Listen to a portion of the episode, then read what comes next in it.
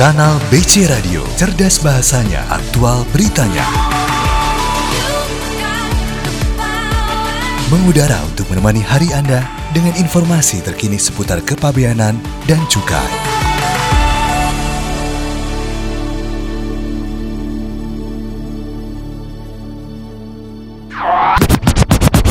Inspirasi Pagi.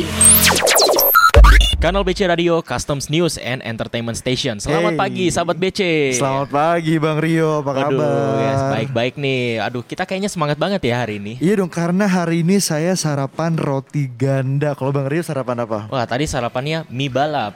Wah berarti udah denger dong ya, kita sarapan roti ganda, mie balap. Kita lagi ada di mana nih Bang? Ya, kita lagi ada di Pematang Siantar. Pematang Siantar tepatnya di kantor KPPBC TMPC Pematang Siantar nih sahabat BC di mana pun Hmm. berada. Nah hari ini kita mau ngobrolin apa nih Bang Rio? Jadi hari ini kita ngobrol-ngobrol tentang salah satu fasilitas yang diberikan Mhm. oleh Bea Cukai, Yes. yaitu KEK atau Kawasan, Kawasan Ekonomi khusus. Khusus. Betul sekali Dan hari ini kita sudah ada tamu Yaitu Kepala Kantor KPPBC TMPC Pematang Siantar Bapak Muhammad Gunawan Sani Saputro Selamat pagi Pak Gun Selamat pagi abang-abang semua. Selamat datang di Pematang Siantar. Terima kasih Bapak Sehat ya, Pak? Alhamdulillah sehat. Bapak hari ini sarapan apa nih Pak? Kita sudah nyebutin sarapan kami Bapak gimana? Waduh, kalau di Siantar ini ya kita bisa sarapan macam-macam mas. Tadi benar ada mie balap, ada juga nasi gurih, Oh, ada nasi ada gurih. lontong Medan ya, tapi ala Siantar. Oh, ada tapi ha- khususnya? Ya, hari ini saya sarapan nasi gurih. Hari Nasi ini sarapan gurih. nasi gurih Iya. Baik Berarti itu sama-sama semangat ya Pak hari ini ya Pak Insya Allah semangat. Insya Allah semangat Baik Sahabat BC jadi kita hari ini bakal ngobrolin tentang KPPBC TMPC Pematang Siantar dulu nih Kita mau nanya sama Pak Gun Kira-kira di KPPBC TMPC Pematang Siantar ini membawahi bidang apa saja Pak Mohon izin Boleh disampaikan silakan Pak Gun Terima kasih Mas. Jadi kantor pengawasan dan pelayanan Bea dan Cukai Tipe Madya Pabean C Pematang Siantar itu membawahi wilayah tujuh kabupaten dan kota ya. Baik. Di sana ada Kota Pematang Siantar, Kabupaten Simalungun, Kabupaten Tobasa, Kabupaten Samosir, Kabupaten Karo, Kabupaten Deri, dan Kabupaten Pakpak Barat. Ini kurang lebih sekitar 20% dari wilayah Provinsi Sumatera Utara. Oke Namun kamilah satu-satunya KPPBC yang tidak memiliki pelabuhan dan bandara Oke. yang eh, biasanya melayani kegiatan ekspor dan impor. Dan kamilah satu-satunya ka- kantor bea cukai yang berada di wilayah yang cukup sejuk karena kamilah berada di 400 meter dari permukaan laut. Kalau yang lain kantor di Sumatera Utara kan Ah, berada di pesisir. betul. Itu Mas. Oke, oke. Jadi di kantor Bea Cukai Pematang Siantar ini nggak ada pelabuhan, tapi nggak ada bandar udara Nggak juga ada ya. juga. Nggak ada. Nah, Nah, ini menarik nih ya. ya. Betul betul betul Sehingga dominasi pelayanan kami itu Mas, Mhm. itu di bidang cukai. Di bidang cukai. Oh justru di Bang Cukai ya, khususnya ya? adalah cukai hasil tembakau ya. Yang mana kita ketahui Pematang Siantar adalah eh, kantor bea cukai yang melayani cukai hasil tembakau yang terbesar untuk di luar Pulau Jawa. Bahkan untuk ekspor cukai hasil tembakau, bahkan untuk ekspor hasil tembakau ya, eh, itu adalah yang terbesar di Indonesia. Gitu. Untuk Oke. ekspor ya. Iya, betul. Kenapa namanya TMP bukan TMC aja kalau gitu ya Pak ya? Karena kalau misalnya lebih fokus ke cukai, kita bisa lebih banyak menangani cukai kalau namanya TMC gimana Pak Gun? Eh, mungkin bisa jadi karena ini di reorganisasi yang PMK 188 pengembangan dulunya kantor ini adalah kantor yang eh, level eselon 4 Oh, sehingga mungkin belum bisa langsung di-upgrade ke kantor yang lebih besar Eh, yang pernah saya dengar dari hotel harus melalui dari TMPC dulu yaitu Oh. level eselon 3B gitu Oh, Mas. baik. Namun selain eh, kegiatan tadi cukai ada juga sih sedikit tentang kepabeanan Mhm. yaitu kita memiliki beberapa kawasan berikat Oke. ada juga gudang berikat dan satu lagi di tempat kita ada kawasan ekonomi khusus. Oh ya Kawasan tadi ekonomi disebutkan khusus di itu di Semanggi. awal. Betul, siap. Dan ngomong-ngomong sebelum kita ngebahas tentang kawasan ekonomi khususnya nih ya Pak. Iya. eh, tantangan yang dihadapin Bea Cukai Siantar ini dalam menjalankan tugas dan fungsinya dia baik di bidang pabean atau cukai apa Mhm. aja Pak?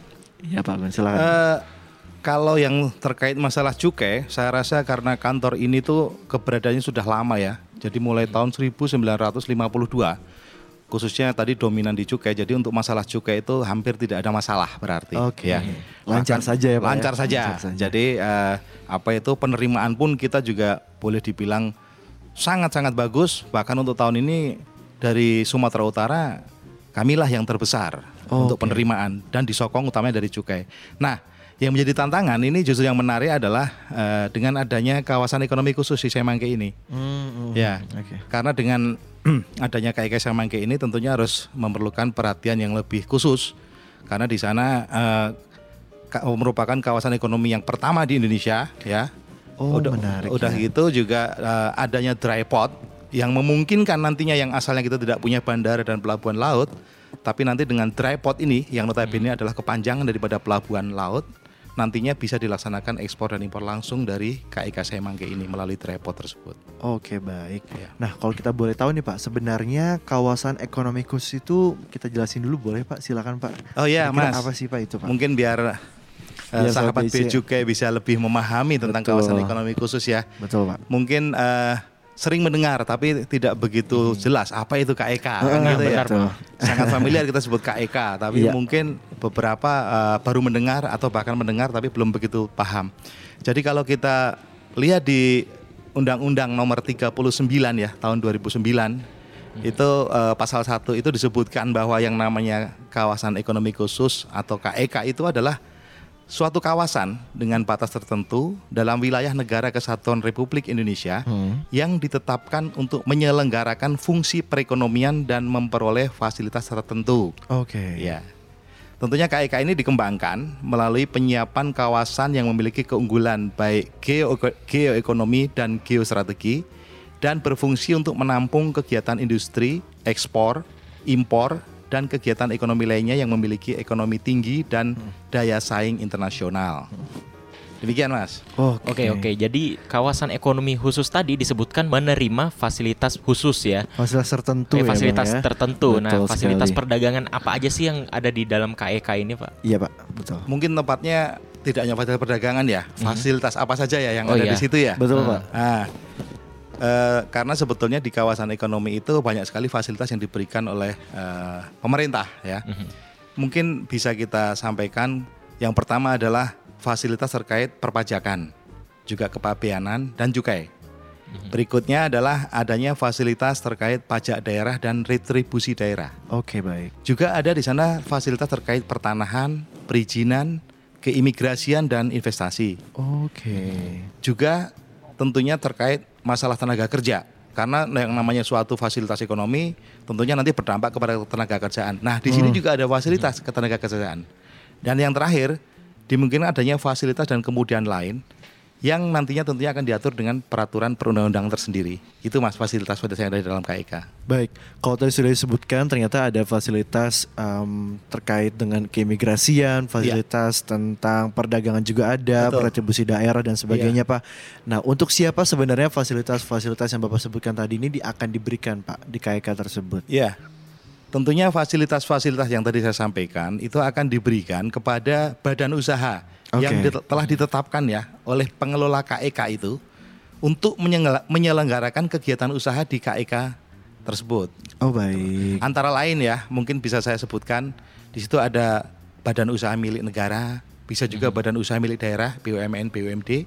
Di sana ada juga koperasi, bisa juga berupa swasta, baik swasta dalam rangka penanaman modal dalam negeri ataupun swasta multinasional, yaitu PMA.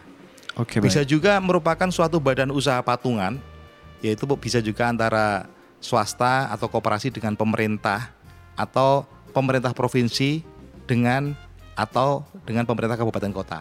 Gitu. Oh baik, jadi banyak banget ya Bang ya, Ya. dari mulai swasta, kemudian tadi perusahaan daerah, Ya. perusahaan negara Iya, juga bisa ikut serta dalam ke Seimangke ini. Betul. Nah, dan kemudian Mhm. peranan bea cukai di kawasan ekonomi khusus ini apa nih, Ya, Pak? kita ngapain Apa sih Pak di kita- sana Pak? Apa kita hanya bertugas untuk mengawasi aja atau ada peran lain, Pak? Silakan Pak. Ya, jadi eh, sahabat Bejukai mungkin perlu kita ketahui bahwa secara umum Direktorat Jenderal Bea dan Cukai memiliki peran yang sangat strategis ya di KEK ini. Seperti kita ketahui juga bahwa pengamanan kebijakan pemerintah khususnya terkait lalu lintas barang yang masuk atau keluar daerah pabean juga di sana pemungutan bea masuk, bea keluar cukai dan pungutan negara lainnya berdasarkan peraturan perundangan adalah peran kita. Namun kita juga memiliki peran dalam fasilitasi perdagangan dan industri. Dengan fasilitas tersebut tentunya kita bisa memberikan penangguhan dan pembebasan yang nantinya diharapkan bisa mendorong iklim usaha dan investasi Oh, yang baik. kondusif yang berdampak pada pertumbuhan baik di pertumbuhan ekonomi baik dalam kawasan maupun di luar kawasan bahkan untuk nasional kan begitu. Oh, baik. Nah, jadi peran kita yang utama di KEK adalah tentunya tadi memfasilitasi perdagangan dan industri. Ya, utamanya adalah terkait dengan eh, masalah penangguhan dan pembebasan baik dalam rangka eh, pembangunan yaitu pembangunan suatu katakan tenan di situ ya dalam bentuk master lease maupun setelah eh, tenan tersebut beroperasi gitu. Oh baik. Jadi penangguhan dan pembebasan kewajiban perpajakan dan kepabeanan dan cukai ya Pak ya. Iya. Jadi ini adalah fasilitas untuk memudahkan mereka mungkin masalah bahan bakunya juga ya Betul. Pak Gun ya. Iya. Kemudian alat-alat berat yang mungkin Betul. tadi digunakan Barang produksi. untuk betul Ya. barang-barang produksi yang Ya. tadi.